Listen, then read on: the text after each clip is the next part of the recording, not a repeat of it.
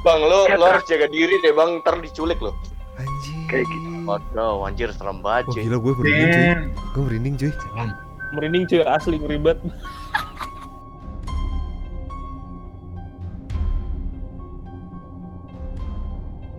Selamat datang kembali di Kamar Kosan Podcast.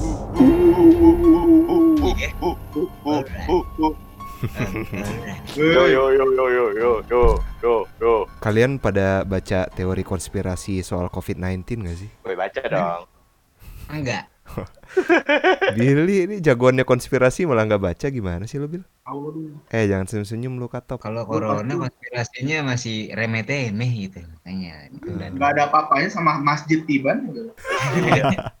Masjid Tiban itu apaan? Jadi itu sebuah teori konspirasi menarik, friend. Hmm, gimana? Kenapa tuh ya? Nggak tahu, jadi sebenarnya sebenarnya aneh sih kalau menurut gua. Jadi tiba-tiba katanya itu di daerah Malang apa mana gitu. Ah, Bentar ya. Gue lihat dulu. Cari dulu.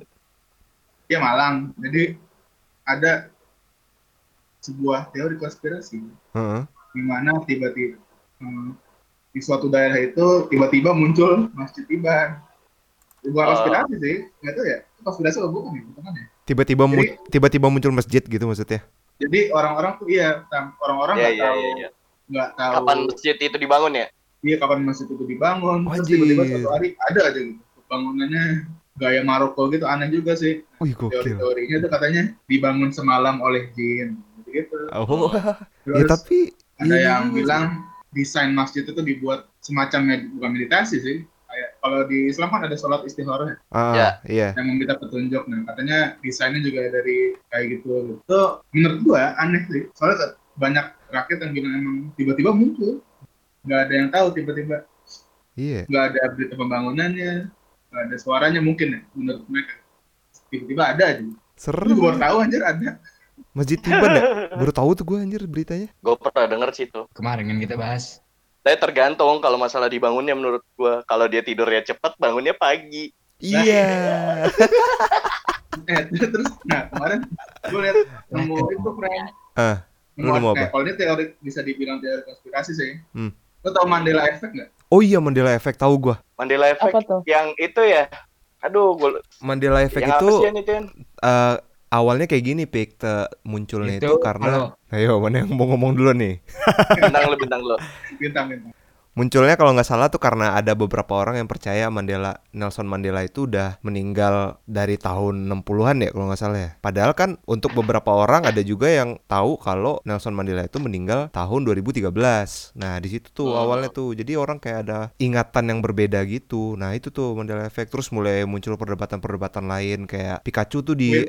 di ekornya ujungnya ada garisnya apa enggak gitu. Untuk sebagian orang ada yang bilang eh, ada garisnya, untuk sebagian orang ada yang bilang nggak ada garisnya, nah gitu. Jadi kayak ada ingatan yang berbeda gitu. Nah, Oh. mm, menurut beber- beberapa orang itu kayak jadi ada beberapa spekulasi ininya sih eh, teorinya sih. Ada yang bilang ini tuh tadinya emang kayak begini, cuman ada orang dari masa depan yang balik ke masa lalu untuk ngerubah itu lagi. Jadinya kita ingetnya masih memori yang lama, sementara ini udah diganti di timeline yang Oh. baru ini udah diganti gitu. Nah iya. Terus itu tang apa? Gue lihat lagi ya. Jadi ada Hmm. video gitu YouTube Hmm. membahas itu, membahas Mandela Effect. Iya. Nah katanya di tahun berapa gitu? Tahun 2000 berapa gitu? Lupa. Pokoknya ada ilmuwan Iran Heeh. yang mengklaim bahwa dia udah menemukan mesin waktu. Mesin waktu. Heeh, terus? Nah, nah, kejadian Mandela Effect ini katanya muncul setelah ini nih ada berita klaim mesin waktu ini nih. Nah, terus Iya. banyak langsung kan, wah jangan-jangan bener kata yang bintang bilang tadi gitu ada yang Ada yang coba nuker kan? John Udah ada momot guys. Eh, ada, Ada momot. Weh. Halo, halo. Lanjut, lanjut, lanjut. Ya, ini buat buat para penghuni kamar kosan ini kita ada teman kita juga anak kamar kosan film yang nggak pernah gabung. Iya, karena melupakan kita guys. Iya. Gitu dah mulai. Emang orang-orang udah- orang-orang udah kenal cewek gitu, Pik. Iya. Ce ha- cewek sama duit, Tang. Iya. kasih tahu. Temen lupa gitu. Itulah konspirasi. Nah, jadi kita sekarang lagi bahas ini, sikat, Mot. Sikat, sikat, sikat. Kita lagi lah, bahas dengerin. teori konspirasi. Lu kalau mau ngomong nggak apa-apa. Siapa tahu di Kendari ada teori konspirasi kan kita nggak Oh, tahu ya. kasih tahu. Ada ada. Banyak. Ventira, Ventira ntar tanya Momot. Nah, Apa? Ada teori konspirasi lanjut lagi An dari itu apa Mandela Effect Mesin waktu. iya mesin Iya. waktu itu Nah itu katanya ada berita, gue lupa namanya siapa ya. Dia dari ilmuwan Iran mengklaim menemukan mesin waktu. John Titor mungkin. John, Tit Setelah kejadian itu, John Titor mah Adin, Ustadz Adin kali. Lorong waktu. Jidan. Jidan siap, Ustadz siap.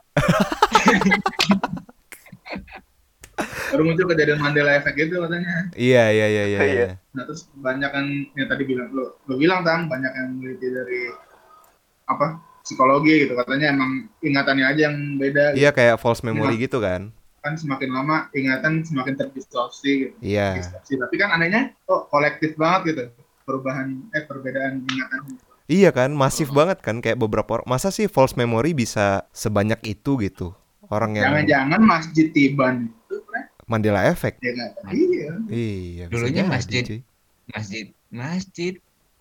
Ya. Aduh, Billy. Katro. Itu dibuat alien, Bill. Alien. Nah, coba deh, nih ini buat ngetes ini ya, buat ngetes Mandela Effect ya. Biasanya orang kayak gini nih. Lu ingetnya Sex and the City atau Sex in the City? In the city gua.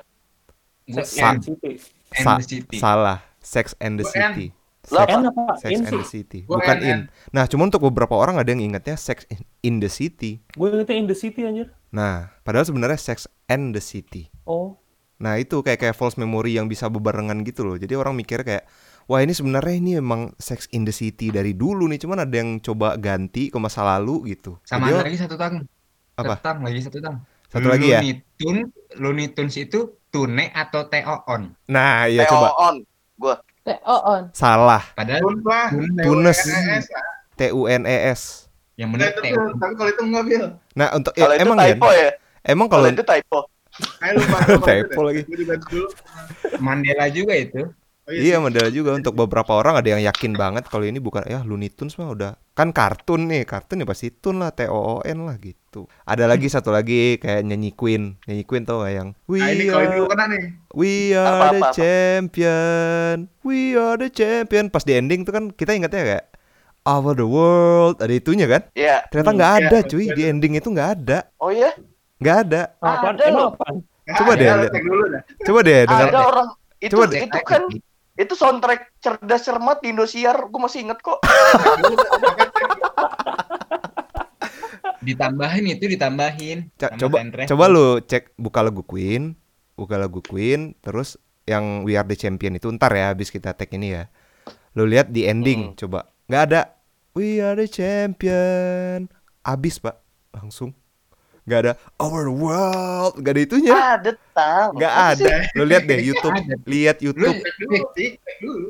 lu Hmm. denger We Will We Will Rock You kan? Di ending Hmm. cuma We will, we will, we will. gitu. nggak ada, nggak ada, nggak ada itu nggak. Juga. Kabar kosan. Kabar kosan. Para pendengar kembali lagi ke kabar kosan. Kementerian Dalam Negeri Kemendagri belum lama ini telah meluncurkan KTP baru yang siap dipresentasikan ke publik. Sebelum nantinya dipertunjukkan ke halayak luas. Juru bicara baru Kemendagri yaitu Herman Sitagor memberikan pernyataan mengenai KTP baru tersebut di kantin kantor Kemendagri. Ia mengungkap bahwa KTP baru ini akan menjadi identitas kependudukan bagi janin yang akan lahir. Pak, Pak, Pak, Pak, jadi gimana Pak masalah KTP ini Pak? Begini, Bah. Pemerintah bertanggung jawab atas eksistensi penduduknya dan janin tidak terkecuali, Bah. Mereka sudah menjadi makhluk hidup yang sudah eksis di dunia ini. Secara materialistik, dia sudah ada di rahim ibunya. Ini cuma masalah kehadirannya di ruang publik. Apa tetangga atau kerabat, bahkan semua orang sudah melihat eksistensinya saja, Bah. Padahal secara logika, Bah, dia sudah eksis, Bah. Sejak pemberitaan ini, kontroversi mulai menjarah media massa dan warga Indonesia. Berita ini pula sampai ke telinga Ikatan Dokter Anak Indonesia atau IDAI. Mereka memperdebatkan mengenai jarak waktu kehamilan yang hendak menjadi patokan dasar identitas janin. Kenapa harus sebulan sebelum kelahiran? Bagaimana ketika sang janin berusia lima bulan atau dua bulan? Bukankah dia juga sudah eksis? Perdebatan jarak kehamilan ini menjadi isu yang belum selesai di antara publik dan pemerintah. Ya kalau mau ngomongin kosa prima, kita kan bisa memberikan patokan eksistensi janin ketika sperma masuk pertama kali ke ovum. Kemarin stasiun TV swasta menyiarkan secara langsung perdebatan keduanya. Tidak disangka sekitar 450 lebih penonton menyaksikan acara ini. Publik juga dilayani dengan drama-drama yang menarik dari mulut kedua rival tersebut. Herman Sitagor telah dinyatakan menang. Ketika ditanya mengenai kemenangannya, Herman secara impulsif memperlihatkan bukti contoh KTP baru tersebut. Sekilas tidak ada yang ganjil, namun kami melihat ada beberapa cantuman Kemendagri yang menarik perhatian publik. Yang pertama, terdapat cita-cita keinginan eksistensi ketika selesai dilahirkan, pilihan klasik atau modern, akan durhaka atau tidak, kiri atau kanan, generasi penerus bangsa atau generasi perusak bangsa, Islam atau kafir, dan yang terakhir yang paling menarik adalah ingin dilahirkan atau tidak. Formulir pendaftaran kartu janin tersebut akan dimasukkan ke dalam rahim ibu serta alat tulisnya. Saudara demikian kabar kosan pada kali ini.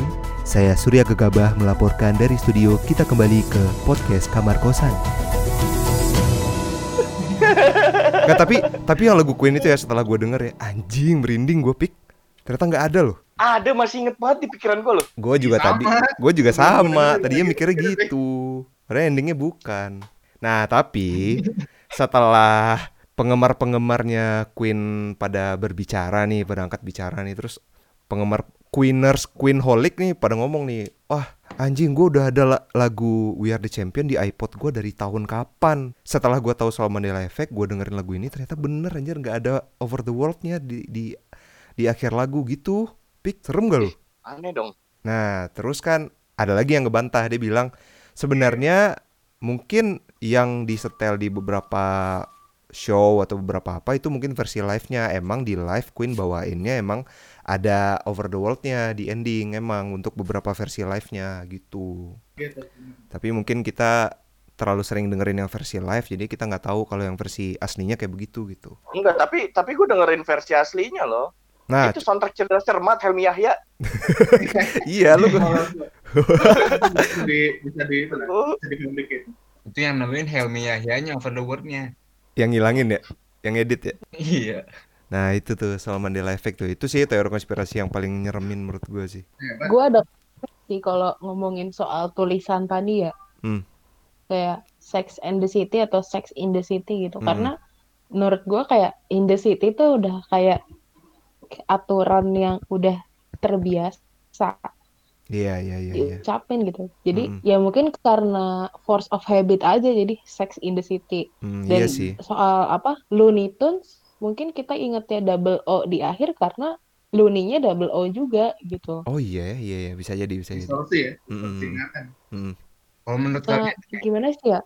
Kayak manusia kan emang pola po- menangkap pola sangat ini ya. Iya iya iya Kayak manusia tuh ngebaca kata-kata yang hurufnya dibalik-balik aja bisa kan Iya, jadi menurut Hmm. gua kayak mungkin ada ingatan pola, jadi kita lupa gitu, jadi Hmm. false memory. Nah yang soal Nelson Mandela Dia sebenarnya awalnya itu Dari si beberapa kelompok ada yang setuju kalau Nelson Mandela tuh udah meninggal dari kapan tahu gitu. Terus beberapa kelompok ada yang kekeh Nelson Mandela itu meninggalnya baru di tahun 2013 gitu. Dulu gue tahunya udah meninggal lama. Apa? Dulu gue tahunya gue gue kira tuh Nelson Mandela udah meninggal lama. Iya kan? Gue seinget gua, seinget Iya. seinget gua kan di buku di buku pelajaran kan dia meninggal di penjara nggak sih? Gue gak tau. Iya. Gue udah lama aja. Kalau nggak salah ya. Ingat gua gua juga gitu, ingat gua. Iya kan seinget kita gitu kan. Tapi dia baru meninggal tahun 2013 loh, Ci. Eh, kalau-. Kalau na kalau nahan berak ngantongin batu itu konspirasi bukan? Mitos aja. Itu mitos. Oh, mitos ya. iya. Gue kira konspirasi. Bukannya Kasih tukang bukannya batu. megang, megang pasir ya? Aduh, Mandela F. Eh, Wey. Eh, Mantap. Kalau konspirasi itu biasanya itu ya apa? Ada hubungannya sama apa ya? Kekuatan yang lebih besar yang mengatur geraknya. Iya benar. Ya Ya, ini selalu kan. selalu. Kebanyakan nih ya. Terus kebanyakan juga teknologi itu kan kayak corona. Mm, mm, mm. Bukan, tek- bukan teknologi sih apa gitu. Sains, sains. Sains. Ada hubungan sama sains. Ya kayak kelompok lu ya, Illuminati. Garut, Bapak Illuminati lu tahu nggak? Oh iya sempat ada bukunya juga tuh. konspirasi nggak tuh Sunda Empire? Itu bukan. Itu kebodohan aja.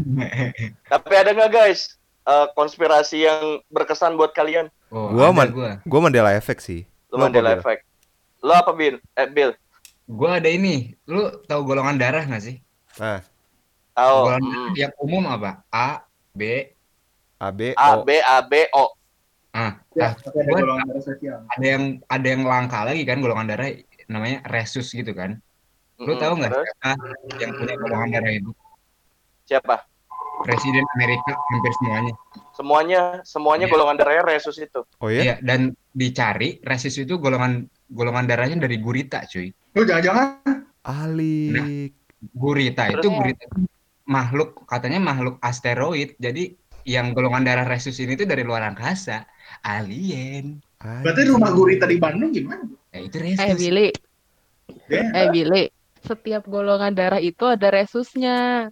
Ya, Mampus resus lu, min. kena lu, Min, Bil. Resus min. Resus min. Semua, semua tuh ada resusnya. A ada resus positif, ada resus negatif. B ada semuanya tuh ada resus positif, ada resus negatif. Oke. Tapi The only resus gitu nan. itu Only spesial gitu intinya lah ya. resus. Ya, resus spesial kayak gitulah. Kayaknya yang Hah? yang pokoknya yang beda ya, beda sendiri gitu, Bill. Mm-mm. dia dia cuman resus. Resus, pokoknya disebutnya disebut bekennya tuh golden blood. Oh, resusnya Oh. kayak nggak ditemuin di darah lain gitu. Sih orang-orang. kartu kartu Kayak golongan darah gua? Hmm. Darah biru lah, darah biru tuh. Disebutnya darah Nih. biru. Darah Nih. bangsawan. Nih, ini kartu PMI ya. Nah, ini tuh Iya. golongan darah AB. Ini ada resus nih. Lu Ah. positif apa negatif? Ini tuh nanti diisi. Resus tuh maksudnya apa sih? Resus itu? Ya gue nggak tahu resus tuh apa, Tang. Tapi setiap golongan darah itu punya resus positif atau resus negatif. Hmm. Yang kalau lu transfusi harus disamain. Kalau lu Oh. AB positif harus ke AB positif. Lu AB Oh, negatif iya, harus iya. ke AB negatif. Berarti nggak Tapi valid teori lu, Bil. Orang-orang yang punya resus negatif itu sedikit. Ah, iya berarti negatif. Nggak valid lu, Resus X Bil. Ya pokoknya resus itu terus disebutnya golden blood atau red red blood, red null. Kalau Ian apa, Ian? Ada satu yang gue denger ah, itu banget apa sak- saking logisnya serem gitu loh. Apa? Apa tuh? Jadi kan temen gue kuliah, dia kuliah tuh ada mata kuliah konspirasi gitu ya. Hmm.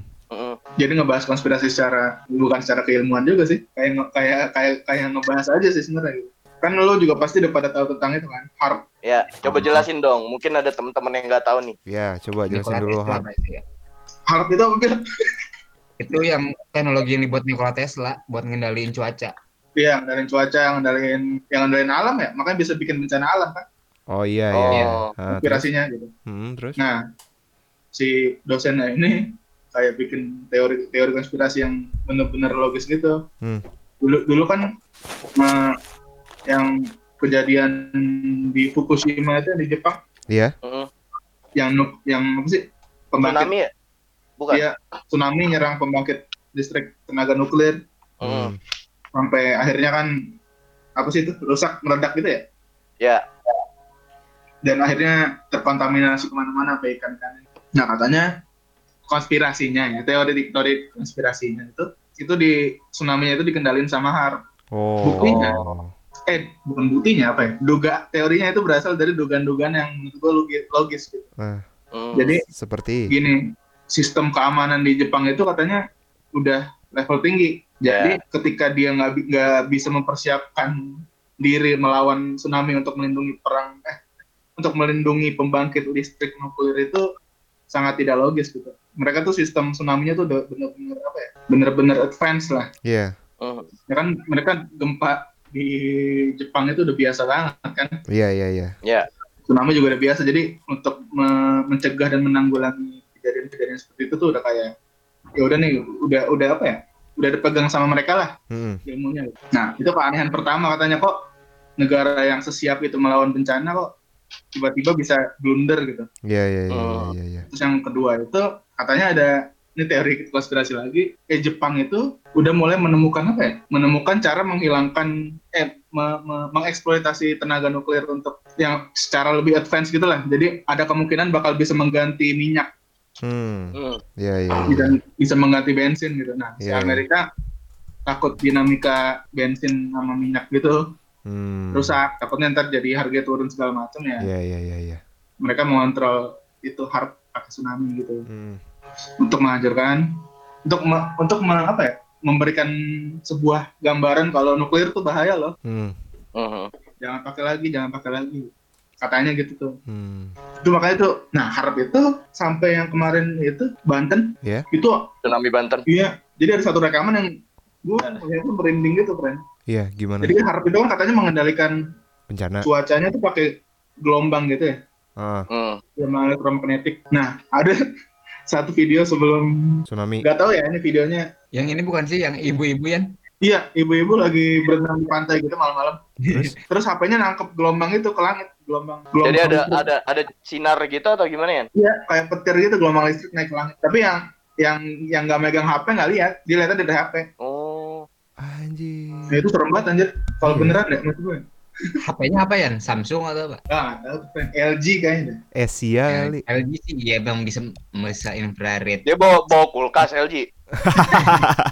itu sih kalau kalau gue harap sih serem Harp ya. Kalau Kinan sama Agus nih apa nih? Teori konspirasi cinta nih ada nggak? Casih Tahu sih tahu. Kalau gue sih ini apa namanya banyak anjir dulu tuh gue zaman zaman SMA ya zaman zaman SMP SMA gitu zaman zamannya bodoh lu tahu indocropcircle.wordpress.com nggak Oh, crop circle. Iya iya Crop iya circle tahu ya? gua. Primbon Nah, kalau- Yang yang kebun dibentuk-bentuk itu ya, Nan? Iya. kebun lagi. nah itu jadi itu satu website tentang konspirasi skenario dunia gitu cuy Anjir. Cuman menurut gue gue bukan yang kayak gimana ya tapi gue selalu tertarik sama area 51 sih Ah, ada 51 ya. Ya, jadi kayak ada area terlarang di Amerika yang katanya di situ meneliti space kan, alien, hmm. UFO segala macem. aneh banget ada ilmu satu Itu crop circle juga aneh tau gue mikir ini gimana cara ngerjain ya kalau beneran manusia yang ngerjain gitu. Udah gitu simetris banget kan. Ada ada yang bilang itu kayak ini kan kalau UFO datang ke bumi Mendaratnya ya.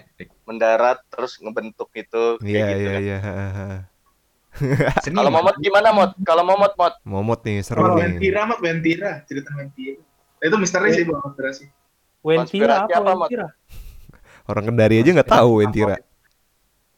Ventira bukan Sulawesi ya Yang mana itu? Apaan sih Wentira?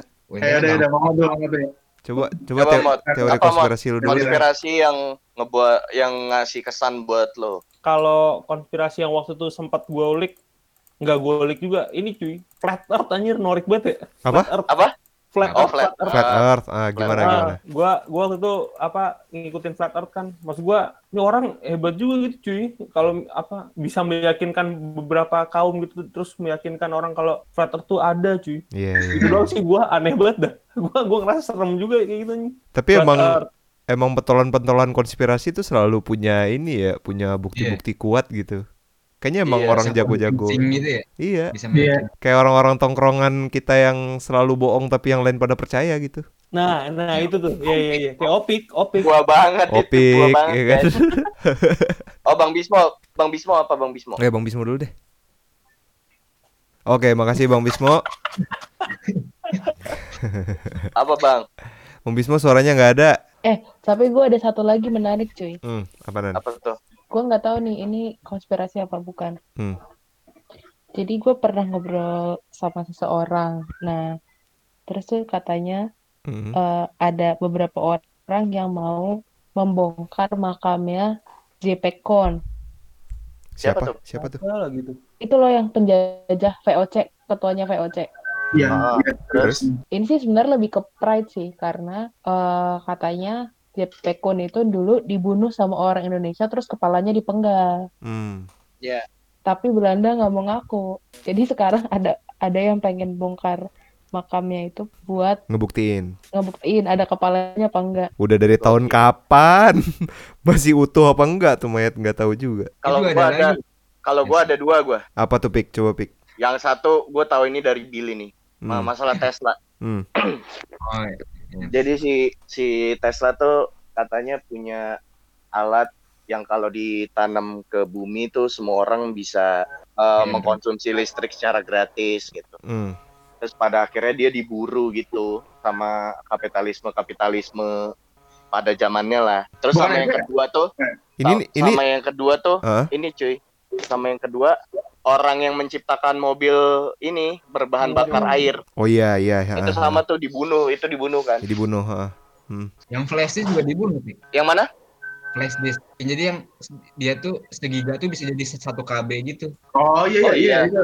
iya Hmm. ada tuh Cuma di, dibunuh juga. Gimana? Eh gimana Oh, gimana? Gimana gimana? Eh bukan dibunuh, kayak di diasingin gitu kalau nggak salah. Terus dibakar gitu apa bla bla blanya terus sa- sampai sekarang yang punyanya hilang Wow. Jadi penemuannya gimana? Penemuannya awalnya gimana? bisa bikin se giga tuh ya se, se satu tera Mm-mm. berapa tera bisa jadi satu kb gitu Kompresi, sistem kompresi. Oh, di, di kompres gitu oh, Ada juga yang itu apa? Yang di dulu di ke- koran Amerika muncul sistem itu apa? Mesin anti gravitasi. Terus abis abis itu muncul di koran udah nggak muncul berita tentang itu lagi. Sekali doang muncul. hmm. Gua ada konspirasi yang lebih ngepop, coy. Hmm, apa tuh? Megan Trainor dan Sam Smith adalah satu orang. Oh, Adele bu, bukan Megan Trainor kali ini, Adele. cuy. Eh, Adele ya? Adele, Adele, heeh. Adele. Adele. Satu orang. Itu ada lagi, ada lagi yang ini cuy, yang yang yang yang ngeri juga yang Avril Avril Lavigne. Iya, iya. April. Itu itu Di mau dari dia udah itu mau dari dulu dari dari zaman Paul McCartney juga dulu gitu kan dibilang dia Iya, Paul McCartney juga ya. hmm, dia udah mati terus Vampir, diganti. gitu ya Cek cek satu. Nah. Nah, Oke, Bang Mo. Masuk Bang Mo. Eh, Apa Bang Mo? Apa Bang, Bang mau Bismo konspirasi yang membuat lo berkesan? Oh gue ini apa Indo- Indonesia kota Atlantis. Wah, Oh, iya itu iya tempat iya Itu iya. apa iya. tuh? Nah, jadi katanya Indonesia tuh di dalam lautannya tuh kita tuh dulunya nggak nggak pulau-pulau gitu loh nyambung terus di di dalam lautan itu masih ada daratan-daratan perkotaan yang bisa nyambung gitu penasaran gitu kayak kayaknya emang masih banyak misteri gitu loh di bawah Iya. laut Indonesia Atlantis kan Oh, iya. ini ceritanya kan Atlantis tuh kayak satu negeri yang peradabannya udah sangat baju gitu di tahun-tahun lama gitu. Cuman tiba-tiba kotanya hilang, jadi nggak ketemu tuh. Nah, cu- dicurigai Atlantis itu ada di Indonesia gitu ceritanya. tapi sekarang udah ketemu tang Di mana? Di Ancol. Iya bener tuh. Oke. nggak salah sih bener Benar. Ada teori yang itu juga tahu, yang mendukung itu. Ada ada pulau Indonesia yang tenggelam. Hmm. Gue baru tahu juga. Jadi Sunda, ya? teori, iya teori iwak belido. Apa itu anjir? Tapi bagus, gue pas gue baca ternyata jadi ada sat- ada satu spesies ikan yang itu antara dua pulau yang berjauhan tapi satu spesies ikannya sama. Itu Oh. katanya cukup aneh.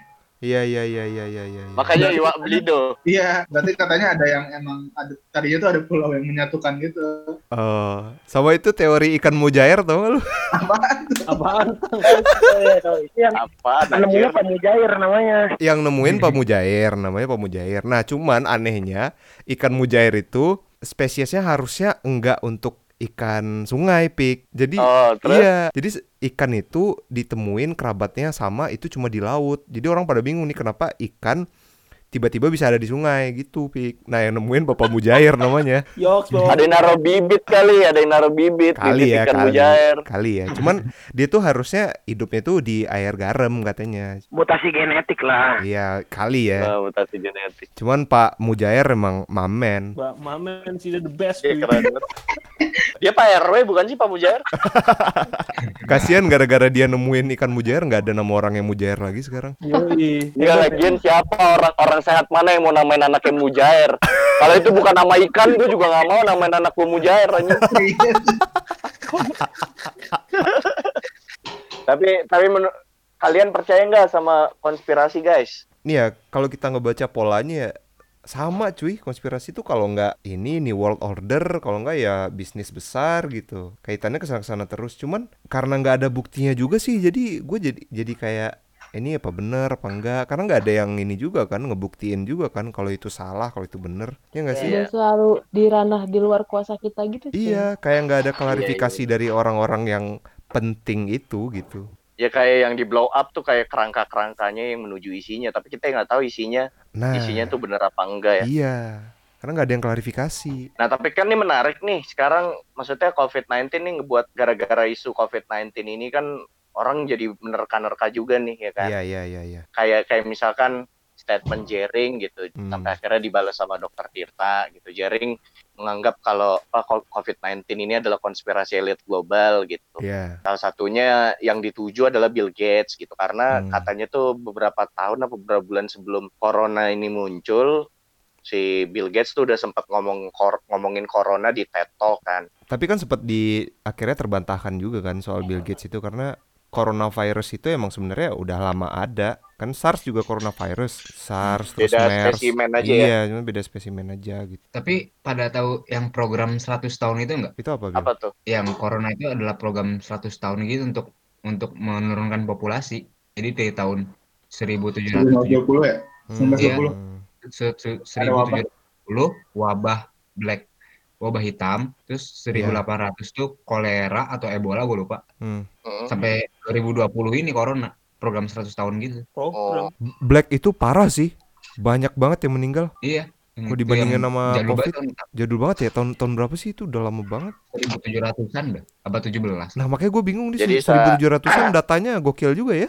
Tahun 1700. Hmm, Cuma cuma yang menarik dari ini kita kan ada ahli kesehatan nih di Indonesia. Hmm. Gue lupa namanya ibu siapa gitu. Siapa bang? Fadila Supari. Nggak tahu gue namanya lupa gue. Jadi dia dia ngasih statement kalau dia Indonesia tidak akan membeli vaksin dari Bill Gates gitu karena karena menurut dia nggak logis. Kenapa? Karena eh, ahli kesehatan Indonesia tuh lagi mempelajari tentang spesimen virus corona. Hmm. kata beliau, kata beliau, nah soalnya Bill Gates tuh katanya bisa menciptakan vaksin secara cepat gitu loh, katanya. ah. Nah terus si ibu ini bilang, lah gimana caranya gitu, lu tahu kita nih apa dari berbagai macam negara lagi mempelajari dan belum ketemu. Hmm. Nah tahu-tahu lo yang udah dituduh aneh-aneh, tahu-tahu muncul dan mengeluarkan bisa membuat vaksin secara cepat. Oh. Sedangkan di Indonesia aja corona itu spesimennya tuh berubah-ubah tang. Hmm, Nah hmm. dia nih si ibu ini nanya lah Bill Gates nih pakai spesimen yang mana Iya. buat ngobatin corona spesimen yang mana Hmm. gitu. Nah Iya. menurut gue ini menjadi logis gitu karena si ibu ini menjelaskan data gitu loh gitu. Jadi mungkin mungkin ada beberapa konspirasi yang eh, kalau buat gue. Nah terus bahkan yang menarik nih Bang Kusdon nih dosen kita sempat upload buku Heeh.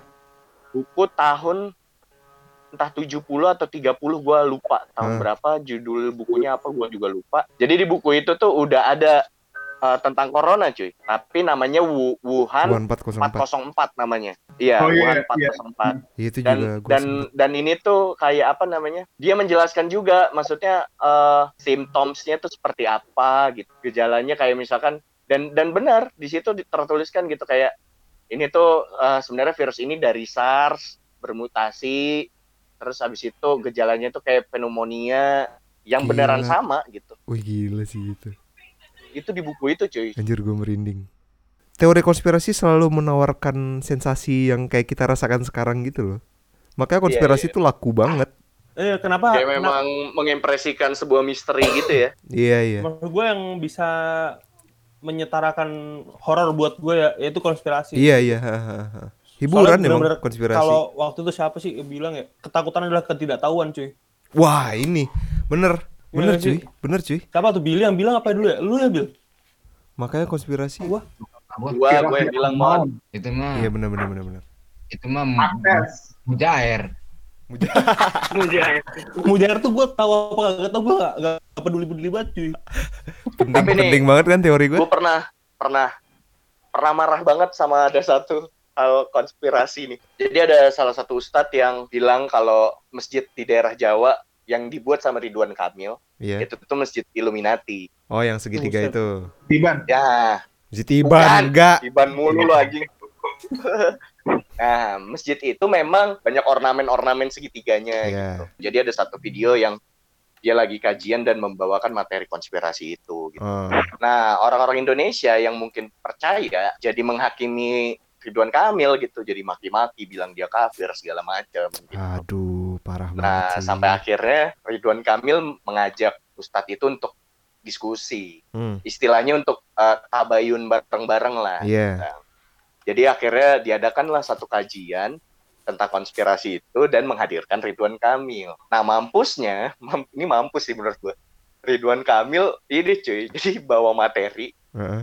Tentang arsitektur. Kan doi kan Iya iya iya dia kan? anak arsitek ya. Teorinya adalah folding arsitektur. Folding Ah. arsitektur ini adalah di mana ketika arsitek mau mem- membuat bangunan, dia tuh berusaha membentuk bangunan itu melalui kertas yang dilipat. Ketika Iya. kertas dilipat kan akan membentuk segitiga pasti. Iya. heeh. dan dan lucunya adalah ironisnya ketika faktanya udah diungkap sama Ridwan Kamil itu orang-orang yang kajian ikut ikut ikut acara itu dan mungkin pengikut Ustadz itu masih nyorakin dia dong.